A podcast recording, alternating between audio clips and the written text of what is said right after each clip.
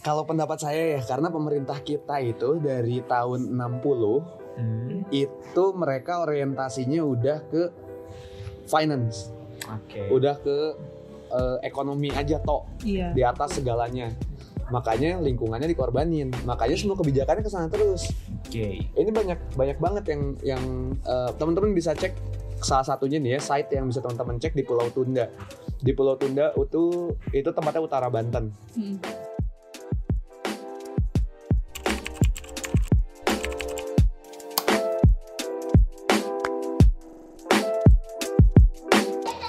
Halo guys. Selamat datang di Energi Podcast. Energi Podcast kali ini bakalan nyapa kalian semua bersama saya Sandi Agung Santoso dari Ketua Himpunan Mahasiswa Teknik Energi. Dan saya Aulia Zara Mariama sebagai staf muda hubungan luar. Kita bakalan nemenin kalian semua kurang lebih ada 45 menit ke depan, teman-teman. Di episode spesial Sumpah Pemuda ini, kita berdua bakal ditemenin sama dua orang yang tentunya hebat dan expert di bidang energi baru terbarukan untuk membahas peran Sumpah Pemuda, peran pemuda Indonesia menuju energi ramah lingkungan. Nah, bener banget tuh apa yang dikatain kata Jahra. Uh, supaya teman-teman gak makin penasaran nih, yuk kita mulai aja dan kita sapa dulu nih narasumber hebat kita ada dua orang berada di belakang saya. Ini ada Teh Amalia dan Kang Azka, teman-teman. Boleh? Kak Teh Amalia. Temanya dan- buat kenalan dulu. Halo semuanya, Eh, kenalin aku namanya Amalia, biasa dipanggil Amel. Eh, aku dari komunitas Solar Generation. Oke, kalau aku eh, Aska Wafi, aku dari Enter Nusantara. Oke. Sebenarnya terima kasih banyak buat Teh Amalia dan Kang Aska yang telah menyempatkan hadir pada kesempatan kali ini kita bincang hangat tentang keenergian, terutama eh ya memang kita akan membincang banyak banget ngobrol tentang keenergian gitu ya. Silakan. Nah, bicara tentang isu keenergian nih Kang Teh, tentunya nggak bisa lepas juga dari isu lingkungan. Terus perbinca- eh, perbincangan mengenai sektor energi sebagai penyumbang emisi gas eh, rumah kaca terbesar gitu ya, yang menyebabkan krisis iklim pun eh, nggak ada habisnya juga. Iya. Nah, sebenarnya krisis iklim sama dampaknya tuh terutama bagi di Indonesia tuh eh, apa nih gitu eh, bagi Indonesia dari Teh Amalia dulu boleh. Oke, jadi sebetulnya krisis iklim itu adalah perubahan pola cuaca dalam jangka satuan waktu tertentu, di mana itu tuh disebabkan oleh eh, pemanasan global. Pemanasan global itu disebabkan oleh apa sih? Nah di Indonesia eh, penyebab terbesar itu adalah eh, energi, sektor energi. Nah sektor energi ini di mana ketika salah satunya itu PLTU batubara, ketika mereka melakukan pengoperasiannya, mereka menghasilkan emisi-emisi yang yang kemudian tidak terserap oleh bumi tapi tersangkut di atmosfer. Nah, yang akhirnya jadinya pemanasan global dan dampaknya itu sangat luar biasa gitu.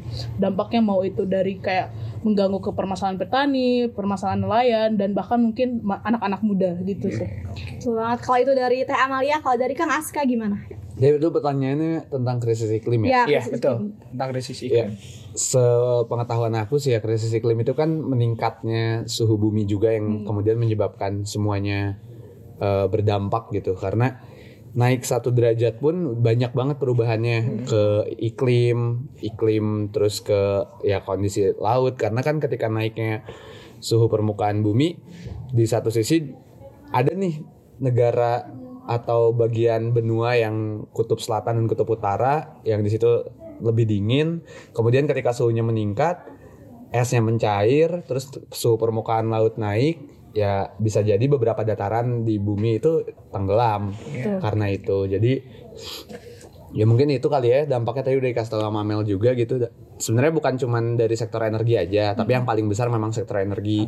Kayak aktivitas manusia juga ya. eh, apa namanya kendaraan dan lain-lain terus aktivitas pabrik industri yang ya sebenarnya industri tidak akan berjalan ketika nggak ada energi pembangkitnya kan gitu Betul, betul, betul. gitu sih Oke, jadi Hmm. eh, kita coba review sedikit lagi ya. Eh, dari Teh Amalia mengatakan bahwa krisis eh, energi mungkin ya tadi krisis iklim sorry Krisis iklim. krisis iklim itu banyaknya dari sektor energi. Begitupun dari Kang Aska menyatakan bahwa eh, krisis eh, iklim itu banyaknya dari sektor energi, entah itu dari eh, tapi bisa juga eh, dari apa ya keseharian kita pun mempengaruhi hal tersebut. Iya. Oke. Betul, betul. Pertanyaan selanjutnya nih, Kang Aska dan Teh Amalia. Berarti kalau misalnya kita udah tahu sebenarnya pengertian dari krisis iklim itu sendiri penyebabnya segala macam, Hmm. kira-kira nih apa sih penanggulangan yang paling bagus untuk mengatasi krisis iklim ini gitu? Mungkin dari eh, Teh Amalia atau Kang Aska? Teh Amalia dulu. Oke. Boleh. Eh, sebetulnya cara menanggulanginya adalah semua orang mungkin harapan aku adalah ber- eh, mereka beralih ke energi terbarukan. Walaupun memang di Indonesia energi terbarukan masih mahal, salah satunya adalah eh, energi surya gitu sih. Solusi terbaik karena eh, energi surya sendiri Indonesia itu mempunyai dua iklim atau dua tropis, eh, dua musim yang memang selalu ada mataharinya gitu sepanjang tahun. Nah, eh, energi surya ini tuh sangat penting banget gitu buat eh, menanggulangi permasalahan krisis iklim ini. Nah, kalau tadi menurut Teh Amalia nih penanggulangannya dengan surya. Kalau menurut Kang Aska nih, apa sih eh, yang terjadi kalau Indonesia tuh tetap menggunakan energi konvensional gitu, terutama PLTU batu bara? Oke. Oke, nah eh, kalau kalau misalnya tetap menggunakan energi konvensional ya, yang pertama sebenarnya aku kalau ngomongin tentang PLTU atau energi konvensional lainnya gitu, porosnya ngeliatnya kayak Eropa sebenarnya. Kenapa? Karena Eropa kan yang pertama kali nginin revolusi industri kan, yang kemudian itu menyebabkan pabrik-pabrik mulai bermunculan di setiap negara gitu. Ya, promotornya tuh Eropa, gitu. Nah, penggunaan batu bara sebagai eh, sumber energi di Eropa da- udah itu udah dimulai dari berapa seribu berapa 1800 mungkin mereka udah Iya, dapat 1800. sedangkan eh 1600 atau 1800 gitu aku lupa timelinenya. Tapi di Indonesia kita baru 1900-an kan. Baru mulai eh, apa namanya masuklah penggunaan si energi konvensional ini. Makanya kenapa si Eropa ini sekarang lagi gembor-gembornya ngomongin tentang sustainable? Gimana caranya dampak kerusakan krisis iklim ini bisa teratasi oleh semua negara padahal mereka yang mulai gitu duluan. Iya. nah ini kan menarik ya buat Iya, saya. betul, jadi betul, ketika kita udah ngelihat ada satu negara yang udah dari tahun 1800 atau tahun 1000 sekian menggunakan batu bara dan sekarang mereka kehabisan batu bara dan kerusakan lingkungan di Eropa jauh lebih mengerikan daripada di sini gitu ya. Kalau misalnya teman-teman ngelihat bencana-bencana yang terjadi di Eropa gitu. Hmm. Ya kenapa kita harus eh, kita udah tahu ada contoh di sana yang udah nyata. Iya. terus kenapa kita harus ngegunain itu di sini? Ibaratnya kayak kita udah tahu nih negara lain hancur nih di tahun sekarang nih. Karena ben- bencana alam yang disebabkan oleh eksploitasi alamnya sendiri. Terus Indonesia mau OTW juga ke sana gitu. Iya betul. kan gimana ya? Tolong ya maksudnya jadi kayak kalau misalnya eh, untuk energi konvensional sih kayaknya ya harus dimulai di transisiin dulu lah. Baru mulai ke phase out call gitu. Jadi kayak ada beberapa tahapan. Kita juga udah nggak bisa nggak bisa langsung kayak oke Jebret langsung kita berhenti nih sekarang. Wah Nggak. chaos juga negara Apa-apa kita. nanti nggak nggak punya listrik ya kan? makanya dimulailah eh, pelan-pelan. Iya betul betul. kayak gitu. Nah nambahin dikit nggak apa ya Boleh boleh. Nah, kalau misalnya di Indonesia sebenarnya udah ada kebijakannya dari E EBTKE, Kementerian itu di bawah Kementerian SDM, Iya, betul. subdirektorat gitu. Nah, dia itu ada namanya RUEN sama RUPTL. RUEN itu Rencana Umum Energi Nasional. Se- Seingatku, nah di Rencana Umum Energi Nasional ini draft draft hukum ini dia bilang kalau misalnya Indonesia itu punya target loh untuk bauran energi sebesar 25% di tahun 2023 apa 24 ya? 25. Eh 25 ya, 2025. Nah, sedangkan di tahun 2020 kemarin eh, KSDM tuh ngomong kalau misalnya bauran energi di Indonesia tuh baru 11%. Masih jauh ya. Masih Masih jauh. masih jauh. Jadi sebenarnya banyak kalau kita mau ngomongin tentang eh, shifting dari energi konvensional ke energi baru atau terbarukan tuh ada peraturannya tapi secara aplikasinya belum optimal gitu. Keren banget ya penjelasannya emang benar-benar menarik ya Kang ya. Selanjutnya nih kan tadi ya mungkin kita kalau misalnya ditarik benang merahnya atau kesimpulannya bahwa eh, yang namanya energi konvensional tuh sebenarnya harusnya udah mulai kita hindari ya, ya kita seperti itu. hindari. Cuman memang karena di Indonesia sendiri eh, belum sepenuhnya mampu akan hal tersebut, makanya bisa kita mulai transisi lah sedikit-sedikit Mm-mm, gitu. sedikit. Betul, betul. Oke, sekarang eh, kalau misalnya kita ngomongin tentang batu bara sendiri, Mhm. eh sebenarnya saya tuh penasaran pada saat kemarin mungkinnya pernah rame juga nih Kang Teh. Katanya kata mungkin ada pemerintah mungkin atau entah siapa yang mengatakan bahwa limbah batu bara atau fly Hmm. ash-nya itu adalah eh, bukan termasuk dari B3. Iya, Faba. Ah ya, Iya, bukan. Faba. Itu kan agak riskan gitu ya. Makanya Iya. kita sebagai eh, pemuda harusnya mengerti kok bisa dikatakan hal demikian. Nah, itu menurut pendapatnya ya, pendapat ya. Kita minta Iya. pendapat ya. Pendapat dari Teh Amalia dan Kang Aska itu seperti apa sih ketika ada statement seperti itu? Eh, aduh tapi ini bakal bakal loncat ke sektor politik nggak apa Iya. ya? Gak apa-apa lah Se, sedikit-sedikit kita bahas. se- sepembacaan aku sih ya. Hmm. Kan gini flying ash bottom ya faba itu kan udah ditetapkan bahwa itu sebagai limbah. Iya. Yang sebenarnya aturan hukum tentang eh, limbah itu kita tuh ngadopsi dari luar juga sebenarnya Iya. hukum-hukumnya. Jadi kalau misalnya Eropa, gue balik lagi ke Eropa gitu ya. Di Eropa tuh diperhitungkan Hmm. semuanya. Eh, orang yang mau beli motor, orang yang mau beli mobil itu kena pajak lingkungan di sana. Oke. Begitu juga skala pembangkit. Hmm. Itu ada pajak lingkungannya. Lu ngeluarin emisi gasnya berapa? Oke, lu kena dendanya segini, lu bayar ke pemerintahan buat nge-recovery lingkungan ini. Itu di Eropa sistemnya kayak gitu. Oke. Nah, di Indonesia tiba-tiba Faba dikeluarin nih. Iya. Kira-kira kenapa tuh? Berarti menghindari denda kan sebenarnya. Karena kita juga punya auditor-auditor kalau ngomongin tentang eh, pembangkit atau industri, setiap aktivitas itu pasti punya auditornya kan? Iya, betul. ada mungkin teman-teman kenal HSE namanya yang ke- yang kemudian menyoroti itu sebenarnya. Iya. aktivitas eh, pabrik atau industrinya kayak gimana? Health safety environmentnya kayak gimana? Dampak kerusakan lingkungannya kayak gimana? Recovery-nya kayak gimana? Nah Faba itu masuk ke sana seharusnya kan? Yang yang oh iya berarti misalnya nih eh si Faba ini da- didapatkan dari PLTU misalnya Python katakan atau misalnya PLTU di Indramayu gitu. Nah itu kan bakal diceknya oh abu abunya ternyata merusak sekali kerasa sama warga sekitar gitu Iya. sampai di rumahnya berdebu tanaman yang mereka tanam juga kena debu PLTU-nya yang kemudian itu ngehambat kerusakan ke mana-mana. Oke. Terus itu kan seharusnya bisa dilihat ya sama auditor-auditor bahwa oh ini kenapa nih Ada yang salah. mungkin cerobongnya yang nggak diganti karena kan cerobongnya makin sini ada teknologi pengurangan dan lain-lain. Iya. Salah Nah. satunya Hela itu. Nah itu cuman ya ribet kan ngomongin hal yang kayak gitu tuh. Akhirnya ya menurut saya ya kenapa akhirnya pemerintah mengeluarkan limbah asap batu bara bukan sebagai faba ya untuk menghindar dari denda-denda kerusakan lingkungan. Oke. Tentunya yang dilakukan oleh negara dan pengusaha Oke. gitu. Kalau menurut aku sih gitu. Oke, oke. Mungkin dari Teh Amalia ada tambahan. Eh, cukup kalau dari aku Oke. gitu aja. Oke, sebelum kita lanjut, kita bakal break dulu. Oke, dari yang tadi kita udah bahas nih ya Kang Teh tentang eh, fly ash yang dihapus dari B3. Aku juga jadi penasaran nih. Jadi sebenarnya dari itu semua tuh solusi yang paling memungkinkan gitu apa sih? Hmm. Hmm, oke. Menurut pendapat Menurut ya. pendapat, menurut boleh banget bilang pasti. Teh Dari Teh. Amal.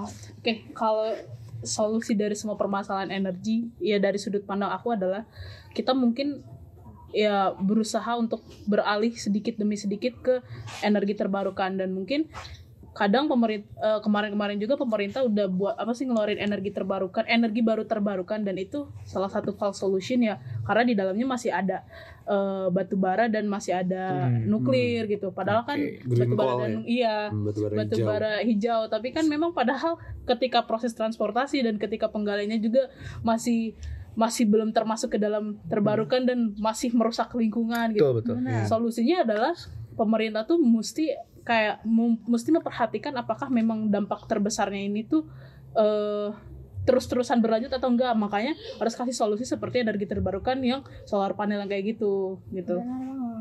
Hmm. Oke. Mungkin eh, tambahan dari Kang Aska. Solusi ya. Iya, solusi. buat Lebihnya yang solusi. eh, itu ya sama sih transisi juga cuman sebenarnya kalau ngomongin tentang solusi kesalahan kita dari awal itu adalah pemusatan eh, energi menurutku dari awal banget Pemusatan Indonesia energi, berdiri oke. terus ada teknologi eh, Di Eropa itu. pembangkit gitu ya untuk listrik. Ya kenapa sistemnya dibikin terpusat gitu dan acak-acakan sistemnya? Kayak PLTU katakanlah misalnya PLTU eh, yang di Banten dia ngecover apa sih sebenarnya? Dia ngecovernya ke mana? Berapa megawatt? Yang ini juga ke mana ke kota dan lain-lain Hmm, betul betul. ya maksudnya kenapa kenapa nggak kepikiran gitu kalau misalnya dari dulu tuh kan sumber untuk energi tuh banyak banget Banyak Iya. banget. batu bara salah satunya yang konvensional. Tapi kan kita punya air. Iya. kita kita negara yang ring of fire kan dikelilingin sama gunung di mana ketika kita punya gunung di sana pasti ada air Oke. pasti ada mata airnya dan air selalu mengalir dari tempat tinggi, ke tempat yang rendah. itu kan lebih sustain Oke. Iya kan dia bakal terus ada bakal terus ada nah kenapa nggak nggak pem- kenapa pemanfaatan energi itu nggak dibikin desentral Hmm. dibikin sesuai potensi daerah Yang ada. yang ada misalnya di Bandung kuatnya apa nih di wilayah timur yang kuatnya matahari karena kan matahari terbit dari timur. Iya. betul. jam 8 solar panel udah bisa nyerap matahari lebih banyak kan. Oke. ya udah berarti wilayah timur penggunaan energinya bisa pakai solar panel. Oke. daerah pegunungan bisa pakai mikrohidro yang kayak gitu-gitu maksudnya. Tap- Da- dan selalu tepat salah sasaran terus gitu pemerintah tuh sama pengusaha untuk ngebangun si pembangkit-pembangkitnya. Jadi mungkin salah satu solusi yang kalau tadi Amel bilang transisi mungkin salah satu solusi yang bisa diambil adalah desentralisasi energi mungkin ya Hmm. kayaknya itu lebih jos deh Oke. Eh, terus ama, boleh aku nambahin? Boleh, boleh. Terus mungkin kalau misalkan selain berpusat ke pemerintah, kita juga sebagai anak-anak muda atau masyarakat Hmm. gitu kan, mungkin bisa belajar caranya untuk menghemat energi dari Oke, sekarang. Jadi Mau hemat itu energi kayak, juga ya. eh, yang biasanya mungkin kalian ngecas handphone satu hari berapa kali sih kayak Ya, gitu kan betul, dipertanyakan itu kayak terus laptop udah ngecas berapa kali sih sehari gitu Hmm. kan mungkin biasain dikurangin aja oh, lebih hemat gitu harus lebih Oke. hemat Oke, bagus ya. Berarti ada tiga solusi nih teman-teman tadi. Pertama yang dinotis adalah hemat energi, terus desentralisasi energi, yang selanjutnya adalah yang terakhir transisi transisi, transisi ke energi. EBT. Oke, ngomong-ngomong nih tentang EBT itu sendiri Hmm. di Indonesia tadi memang sudah dikatakan juga ya Hmm. bahwa kita tuh punya potensi nih. Nah, Hmm. kira-kira potensi itu kalau dikembangkan bakal kayak gimana sih? Oke. Kalau kalau ngomongin potensi ya, Hmm. Sebenarnya banyak ya kita tuh eh, angin pun angin pun di pesisir bisa dipasang gitu kan. Harusnya. Seharusnya jadi ini balik lagi ke desentralisasi energi yang Oke. tadi Iya. sih. Maksudnya ketika di satu daerah ini kita harus melihat dulu nih potensi apa yang bisa Dipakai. dipakai untuk meminimalisir dampak kerusakan lingkungan Hmm. gitu. Ka- Sedangkan kan kalau sekarang tuh dibikinnya ya udah aja ke sentral di pembangkit PLTU, Hmm. PLTU, PLTU kayak gitu. Hmm. Nah, jadi kalau misalnya ngomongin potensi yang pertama matahari, Oke. yang keduanya angin, yang ketiganya air. Nah, untuk energi baru energi terbarukan atau baru ya, yang lainnya yang kayak nuklir terus eh, Geothermal. geothermal itu masih agak tricky sih buat Tricky, aku iya. sebenarnya karena eh, oke ada ada statement atau teori yang bilang kalau misalnya eh, potensi nuklir kita punya uranium banyak nih di Indonesia Iya. tapi pemanfaatan atau atau dampak kerusakan lingkungan dari pembangkit listrik tenaga nuklir sendiri itu kan cukup mengerikan sebenarnya kita lihat Fukushima yang dari tahun 2011 meledak tahun 2020 kemarin Jepang itu ngasih statement ke dunia minta maaf kita mau ngebuang limbah nuklir Fukushima ke laut Hmm. Udah jalan 9 tahun dari kasus pembangkit nuklirnya meledak Iya. limbahnya baru mau dibuang ke laut 2020 dan dibuangnya ke laut lagi iya itu kan berarti dampak dampak lingkungan baru kan Iya. kerusakan lingkungan yang lebih masif sebenarnya kan betul, betul. ya gitu sih menurut aku jadinya ada beberapa hal yang tricky lah kalau ngomongin tentang si energi baru terbarukan ini gitu Oke, nah dengar tadi udah kita udah tahu juga ya potensinya di Hmm. Indonesia tuh lumayan gitu ya kan Lumayan. besar juga gitu. Nah eh, mungkin teman-teman juga belum tahu, aku juga belum sebegitu tahu sebenarnya Hmm. emang apa sih keuntungannya EBT daripada si energi konvensional ini. Hmm. Boleh Oke. kayak Amalia. kalau keuntungannya sendiri sebetulnya energi baru terbarukan itu dia mempunyai menghasilkan energi lebih besar daripada energi konvensional. Karena kan energi konvensional itu menggunakan bahan bakar fosil nih. Hmm. Bahan bakar fosil ini dia sifatnya terbatas. Hmm. Sementara kalau energi terbarukan ya seperti tadi pan- matahari, terus panas bumi, terus kemudian air, mungkin nuklir walaupun nuklir terbatas tapi eh walaupun nuklir masih eh, Tricky. apa namanya tricky, Ya. tapi ternyata potensinya besar bahkan mungkin bisa memenuhi kebutuhan seluruh manusia gitu. Iya. Gitu. Kalau dari Kang Aska ada tambahan nggak? Eh sudah tadi itu pertanyaannya apa aku emang suka gitu ngelamun terus hilang ya gitu. Maaf ya teman-teman. Tadi pertanyaannya tuh? Eh, keuntungan EBT Keuntungan daripada EBT. konvensional. Sebenarnya kalau kalau kalau menurut gue ya seharusnya keuntungannya EBT yang paling nomor satu itu adalah meminimalisir kerusakan lingkungan atas eh, aktivitas eh, pembuatan energi gitu. Karena kan ketika ya aku balik lagi ke PLTU gitu ya karena Indonesia tuh PLTU-nya banyak banget dan Hmm. aku dulu jurusan kelautan. Terus neliti kenapa sih PLTU ini limbah air panasnya itu ngerusak terumbu karang. Karena limbah limbah air panas, jadi kan PLTU itu sistemnya ada airnya kan, Iya. buat Menggunakan bikin air. uapnya Iya. gitu. Betul. Nah si air ke mana nih air yang udah dipanasinnya? Iya. Setelah dia udah panas selama berapa jam, dikemanain nih air panasnya, limbahnya kan? Iya betul. Dibuangnya ke laut. Makanya kenapa PLTU itu dibikinnya di pesisir-pesisir. Mm-mm. Nah, dampak dari pembuangan limbah itu ke laut itu kan banyak. Ikannya keracunan, Iya. terumbu karangnya hancur. Sedangkan terumbu karang itu tempat Rumah ikan bertelur. Iya. Mm-mm, betul. Akhirnya berarti ngaruh lagi ke ekosistem laut Ya. secara nggak langsung nantinya secara langsung deng bukan secara nggak langsung Dan bahkan langsung gitu dan bahkan Hmm. ya kayak kapal tongkangnya itu ya bang kapal tongkangnya kadang ada yang suka terbalik bahkan nabrak Iya, Sering terumbu na- ada beritanya ya. dia Ya. na- na- nabrak terumbu Ya. karang gitu kemarin juga pas aku lihat nabraknya tuh sampai mungkin lebih besar gitu ya Hmm. aku lihat wah gila eh, ditabrak sama terumbu karang itu pas kemarin aku diving Oke. terus bahkan pas aku keluar dari laut itu banyak banget eh, apa sih item-item mungkin itu item-itemnya dari Batu bara. dari batu bara Hmm. terus eh, pokoknya ngelumurin tubuh aku aja gitu Oh. Wow. kemarin Keren banget. Langsung ber- Iya. berarti bener berdampak Betul. langsung. Berdampak langsung itu mah bukan, Nah, bukan tidak langsung ya bang ya. Makanya eh, apa apa yang jadi fungsi atau misalnya nilai tambah energi baru terbarukan aku rasa sih ya kita meminimalisir dampak kerusakan lingkungan itu Hmm. gitu Oke. gitu sih Nah yang jadi pertanyaan besar nih. Hmm. Ya, balik lagi kan ke pemerintah ya nggak sih bang? Nah, iya. Ya. Kita balik lagi ke pemerintah gitu. Sebenarnya sebenarnya dari pemahaman yang mungkin kita baca, kita lihat di berita-berita bahwa pemerintah itu menggebor-geborkan EBT, EBT ini. Iya. Cuman Iya. tapi kayak stuck di situ-situ aja gitu. oke Oke, nah itu gimana sih? Mungkin ada Iya. pendapat ya gitu. kalau pendapat saya ya karena pemerintah kita itu dari tahun 60 Hmm. itu mereka orientasinya udah ke finance Oke. udah ke eh, ekonomi aja tok iya di atas segalanya makanya lingkungannya dikorbanin makanya semua kebijakannya ke sana terus Oke. ini banyak banyak banget yang yang eh, teman-teman bisa cek salah satunya nih ya site yang bisa teman-teman cek di Pulau Tunda di Pulau Tunda itu itu tempatnya utara Banten Mm. di Pulau Tunda itu mereka nggak ada listrik Oke. karena jalur PLN buat kabel laut katanya mahal Oke. jadi nggak pakai nih akhirnya mereka pakai pembangkit listrik tenaga sel surya bagus dong harusnya ya Iya.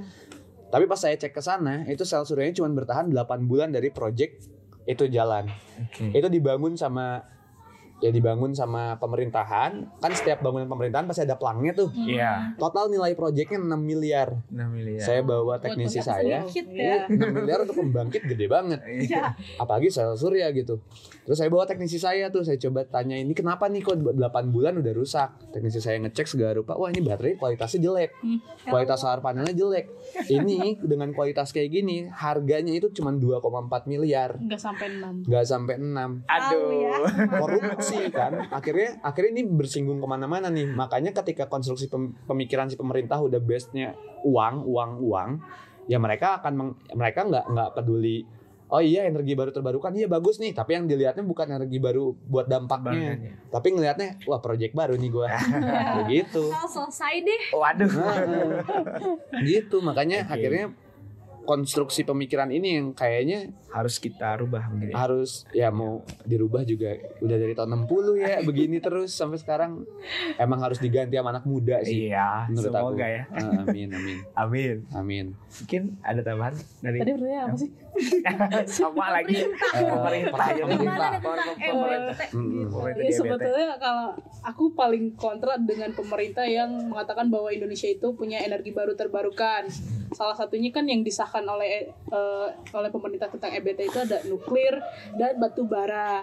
Tapi kan sebetulnya walaupun nuklir memang eh, sifatnya dia jumlah konsumsi eh jumlah produksinya lebih besar daripada jumlah konsumsi, cuman apakah itu aman buat buat rakyat? Gitu sih. sustain gitu ya Iya, apakah itu sustain? Gitu. Oke. Oke. ah ngomongin tentang pemerintah ada dua ada dua yang kayaknya teman-teman perlu perhatiin sih tentang teman-teman bisa cari di Google tentang RUPTL sama RUU EBT. Iya. Nah, RUU EBT ini rancangan undang-undang energi baru terbarukan yang lagi digarap sama DPR Komisi 7 Oke. sekarang. Nah, ini kayaknya perlu perhatian lebih karena kemarin aku li- ikutan sidangnya di YouTube gitu ya live aku lihat oh bahasan Komisi 7 ini ternyata lebih banyak ngebahas tentang nuklir nuklir dan batu bara juga. dan batu baranya itu green coal katanya batu bara hijau yang lebih ramah lingkungan. Waduh. Ya, ini ini perlu perhatian lebih sih dari teman-teman jadi kayaknya itu informasi yang Oke, aku makasih banyak pengen itu informasi yang benar-benar keren. penting banget ya. So, bertepatan dengan Hari Sumpah Pemuda nih Kang Teh sebagai pemuda sebenarnya apa sih langkah dan aksi yang dapat diambil gitu untuk berpartisipasi nih memberikan dukungan agar Indonesia tuh beralih gitu mengembangkan EBT Hmm. Eh, terutama nih bagi kita kita nih masih teknik konversi energi Hmm. Dari Kang Aska Oke. Apa yang anak muda bisa lakuin ya? Selemah-lemahnya iman ya. Selemah Selemah-lemahnya Iya. iman, Kita, kita oke. jadi bicara. selemah-lemahnya iman dulu. Oke. Selemah-lemahnya iman ya teman-teman bisa kayak tadi ngehemat energi lah. Oke. Betul. Bisa di- mulai dilakukan secara behavioral gitu. Jadi ngerubah dulu dari sendiri itu selemah-lemahnya iman. Oke. Terus eh, mulai selemah-lemahnya iman juga kayaknya perlu untuk mengawal eh, isu-isu yang negara sedang ambil gitu Oke. kayak tadi Ya. RUU EBT tentang RUPTL. Atau RUEN Rencana Umum Energi Nasional.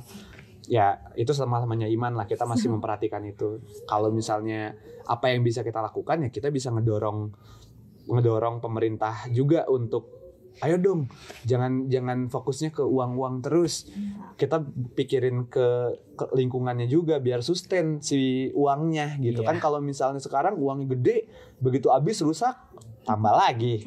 Iya. Ka- enak yang sustain kan sebenarnya gitu. Oke. itu penyadaran ke pemerintah. Yang kedua yang keempatnya eh, kayaknya perlu juga eh, kita turun langsung. Ya. kayak oh iya di daerah sini belum ada akses listrik nih. Pemerintah tidak belum bisa menjangkau ke sini.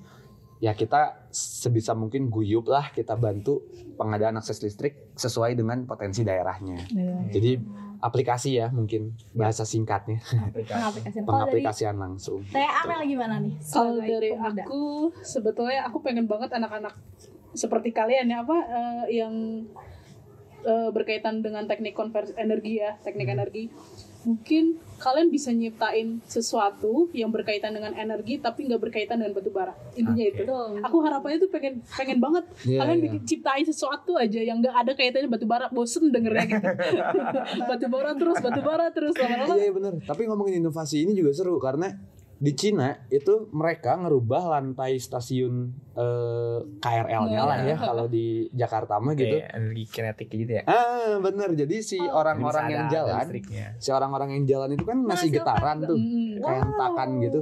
Nah mereka konversi hentakan kaki di stasiun dari berapa ribu orang yang lewat lalu lalang, itu jadi listrik. Dari listrik buat sih aku di- merinding.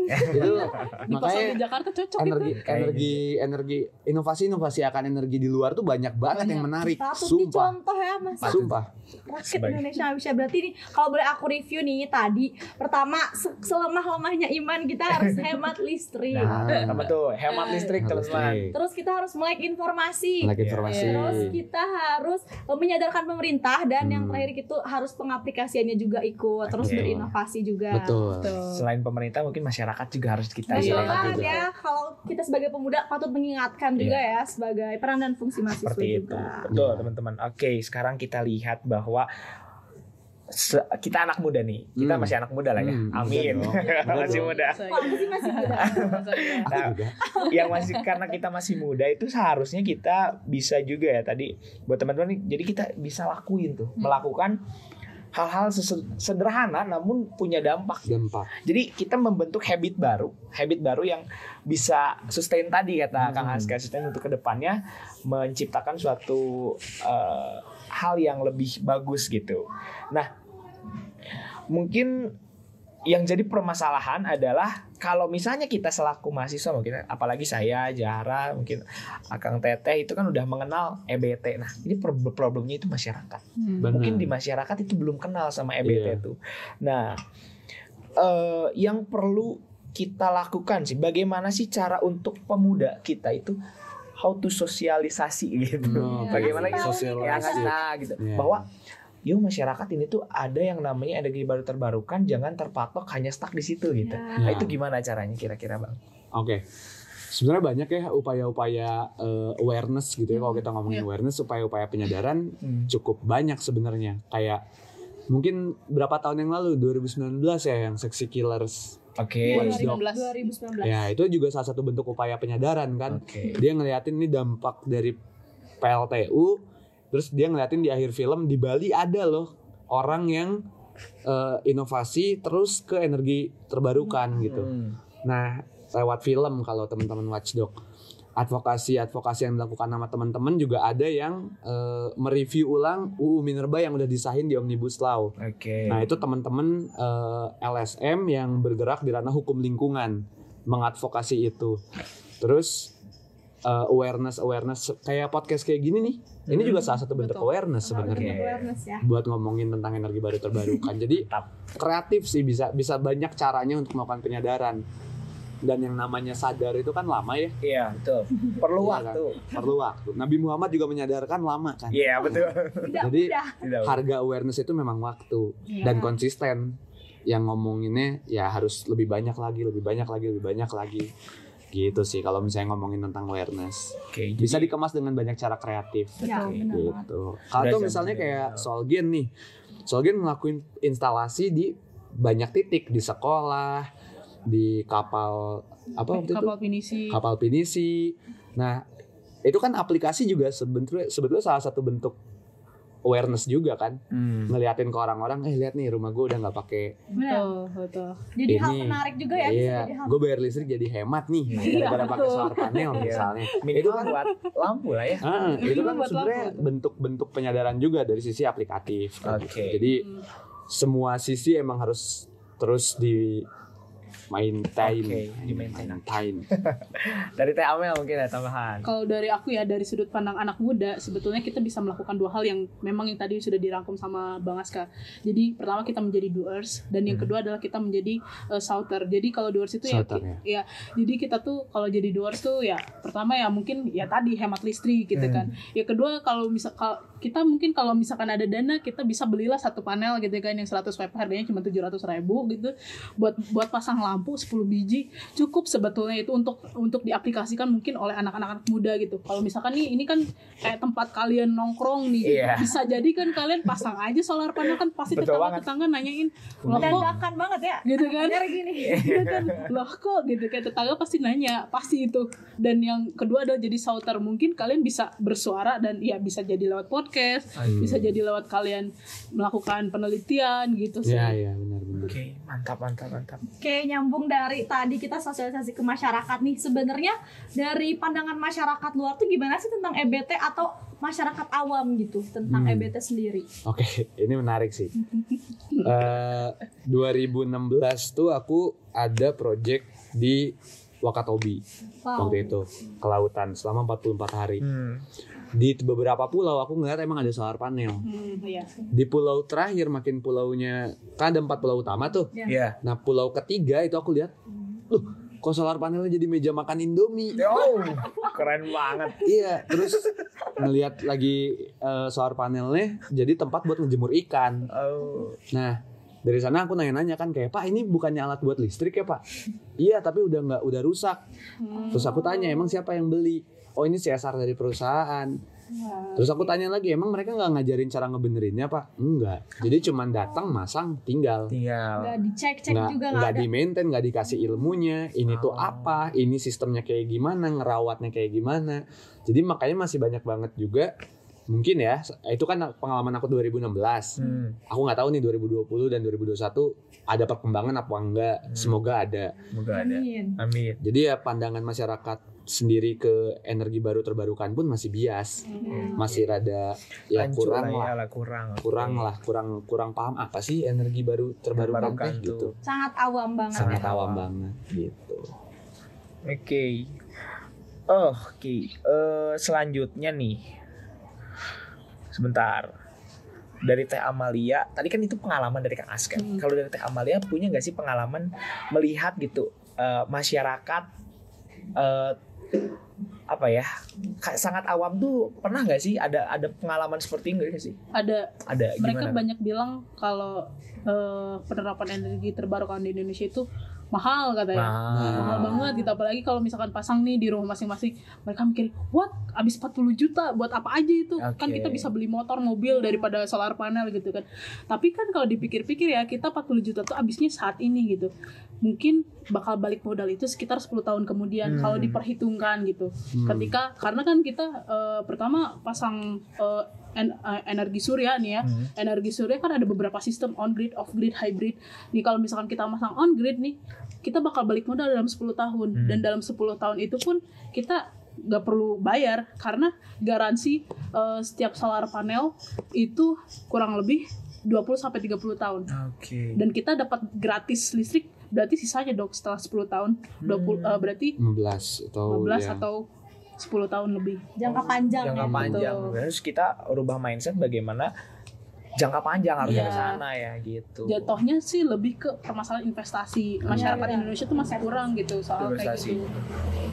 sebenarnya yang aku pernah baca juga atau pernah dengar kan bahwa eh, masyarakat mungkin mungkin sekitar pegunungan karena dulu aku KP-nya di Ciwidey Hmm. dulu Ah, di iya. Patuha di PLTP Iya. Patuha katanya memang eh, ya mungkin ada beberapa oknum jadi orang-orang atau masyarakat ada beberapa oknum yang mengatakan bahwa oh ini bakal ngerusak gunung nanti gunungnya Hmm. meletus segala macam padahal sebenarnya harusnya eh, itu memang harusnya disosialisasikan Betul. itu ya PR ya teman-teman ya PR nih buat kita semua selaku anak muda harusnya kita bisa memberikan eh, edukasi lah buat masyarakat begitu seperti itu Nah, Oke. terus tadi bicara tentang pandangan masyarakat terhadap EBT nih. Terus kita juga boleh dong bilang Kang Azka dan Teh Amal itu pejuang EBT. Boleh nggak? Oh, keren Pejuang banget EBT. Terus pasti ada juga nih pernah nggak eh, ada aksi tentang memperjuangkan EBT? Pengen sharing-sharingnya dong. Oh banyak sih. Yang Kalau seru deh, yang seru. yang seru yang seru ya. Oke, eh, teman-teman tahu Batang nggak? Nama daerah Batang Jawa Tengah. Batang oh wah. iya Batang di Batang PLTU Batang. Iya tahu Itu aku aku pertama kali aware sama isu energi dan eh, wah ternyata isu energi ini bisa bisa ngerembet ke kemanusiaan juga ya. hmm. Itu zaman-zaman tahun berapa ya Salim Kancil dibunuh di tambang tuh waktu tahun berapa ya? 2016 apa? 15 Iya. 16 ya round segitulah ya. PLTU di Batang dan banyak ternyata setelah dari PLTU Batang aku makin nyari tahu lagi ternyata titik-titik warga yang mempertahankan eh, lingkungannya untuk ya mereka nuntut ke PLTU untuk ini gimana nih? Sawah gue jadi rusak nih gara-gara debu lu. Satu itu. Terumbu karang gue rusak nih gara-gara lu. Dua. Terus yang ketiganya tanah mereka diambil paksa sama perusahaan untuk jadi itu. Dan itu terjadi di banyak site terutama di Kalimantan Kalimantan Sumatera Jawa pokoknya semua titik itu banyak banget kejadian-kejadian kayak gitu Hmm. di sana gitu ya ya mungkin ini sedikit dilema karena eh, dilema terbesarnya adalah ya kita butuh listrik di zaman sekarang gitu buat Oke. Buat semuanya buat perkembangan teknologi dan lain-lain. Tapi di satu sisi kita juga ngelihat ada ada warga yang dikorbanin loh. Hmm. ada manusia yang dikorbanin loh di titik-titik dekat sana. Oke. gitu. Jadi pengalaman yang paling menyebalkan itu ketika melihat ada orang yang memperjuangkan ruang hidupnya untuk dan lingkungannya untuk dia hidup itu malah ditahan. Bahkan sampai dibunuh gitu. Oke. nah itu yang paling yang Kayak paling kasus Mengerikan kita ya. ya Kulon Progo itu ya. ya Wow. Sip, Kita break break dulu. dulu. Kalau tadi sharing dari Kang Azka nih, sekarang dari Teh Amel gimana nih tentang perjuangan EBT? Pejuang EBT kita gitu. Jadi sebetulnya kemarin kita diajak sama kawan-kawannya Bang Aska juga ke Kulon Progo. Di sana tuh ada eh, petani yang memperjuangkan lahannya mereka karena lahan tersebut itu tuh mengandung pasir besi, di mana eh, banyak yang orang mungkin orang-orang yang mau membangun bangunan baru itu tidak mendapatkan energi. Makanya di sana ada salah satu eh, pejuang atau salah satu tokoh yaitu namanya Pak Tukijo bahwa ternyata eh, dia bisa eh, pasang solar panel untuk memenuhi kebutuhannya gitu kan Hmm. karena kan untuk menyirami eh, tanaman juga kan membutuhkan bahan bakar gitu kan Hmm. membutuhkan energi walaupun memang dia awalnya menggunakan diesel tapi ketika dia belajar eh, adanya solar panel oke kita pasang dan eh, di sana tuh bisa menghasilkan banyak eh, bisa membantu mempercepat eh, menyiram tanamannya bahkan Oke. nggak berisik juga gitu kan diesel kan berisik yang pepek-pepek gitu kan Ya udah gitu Oh iya lanjut. Iya udah gitu Udah gitu kan diesel juga harganya lebih mahal gitu kan Mereka habisnya berapa sih bang? Satu juta seminggu ya? Kurang lebih Iya. Buat buat nyalain diesel mereka Kan nyiram tiap hari Iya. Bahkan beberapa jam gitu Satu hari 3 LPG. Hmm. Wow, Ngabisin 13 3 LPG satu hari. Yang kecil melon Yang kecil itu. yang melon itu.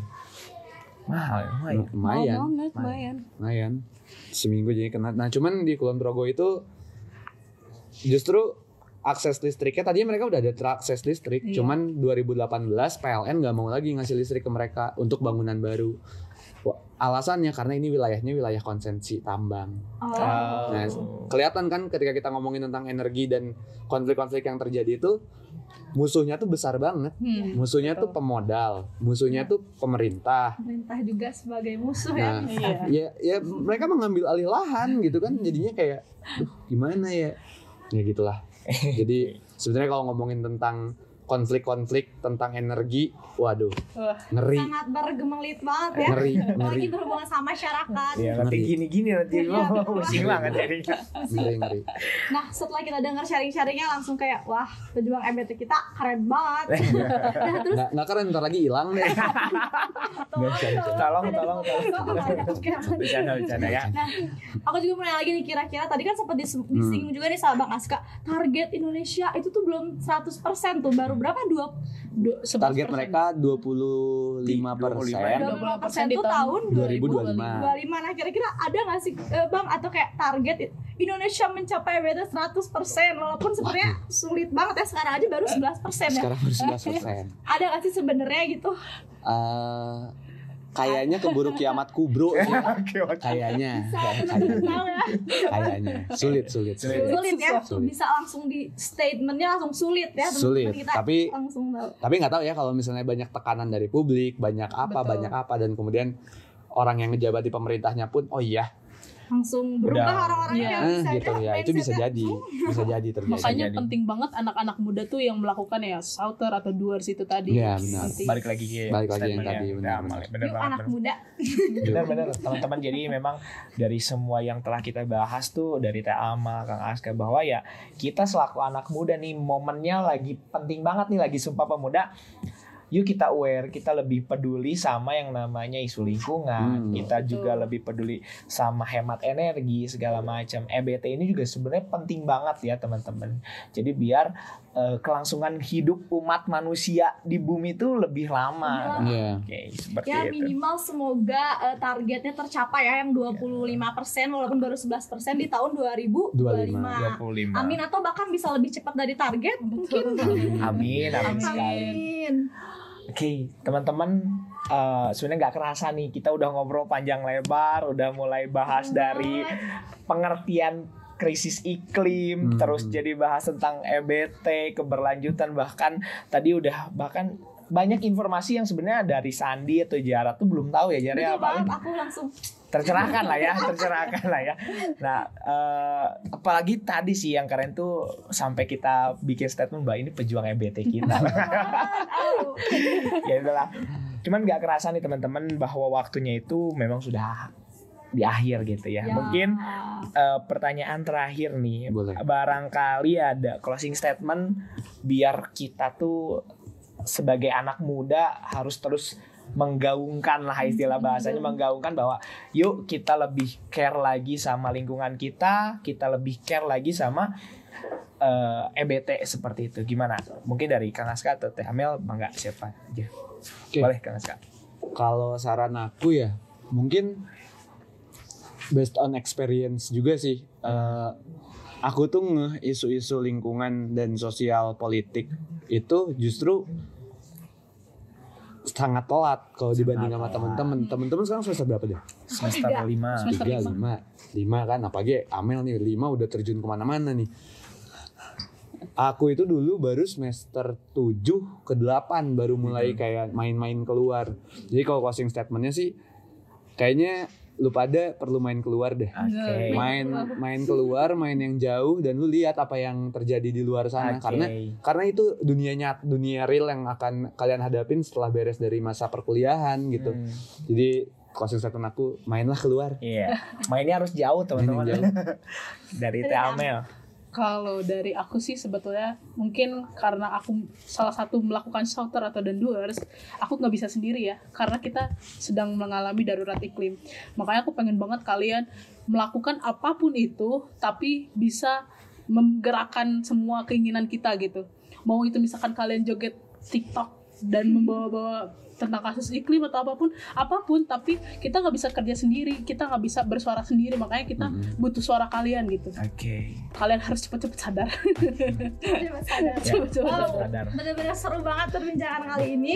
Terus eh, mungkin untuk podcast spesial Sumpah Pemuda ini dicukupin teman-teman. Makasih banyak untuk Kang Azka, buat Teh Ya, Amelia. terima kasih Bang banyak. Sudah memberikan banyak banget ilmu Informasi buat kita juga semua ya. buat teman-teman semua yang nonton juga Betul betul nanti. betul betul.